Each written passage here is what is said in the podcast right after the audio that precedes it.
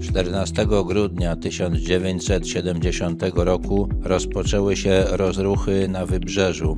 Były one reakcją na podwyżki cen 45 grup towarów, które ogłosił Władysław Gomułka w przemówieniu transmitowanym przez radio i telewizję w sobotę 12 grudnia, już po zamknięciu sklepów.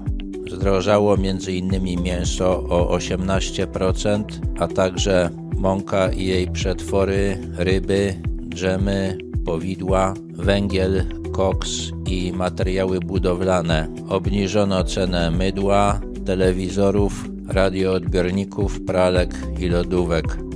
Podwyżki cen uderzyły przede wszystkim w najuboższych. Pierwsi zastrajkowali robotnicy w Stoczni Gdańskiej imienia Lenina, najpierw na Wydziale W3, potem także na innych. Około godziny 10 zaczął się wiec przed budynkiem dyrekcji. Dyrektor Stanisław Rzaczek powiedział, że może jedynie obiecać 5% premii, a jeśli ludzie chcą coś więcej, to niech idą do Komitetu Wojewódzkiego. Strajkujący uformowali więc pochód i poszli do komitetu, który znajdował się w odległości mniej niż kilometr od bramy. Pierwszy sekretarz Komitetu Wojewódzkiego Alojzy Karkoszka był w Warszawie i z robotnikami nikt nie chciał rozmawiać. Studenci, pamiętając udział robotników w tłumieniu ich wystąpień w roku 68, nie przyłączyli się.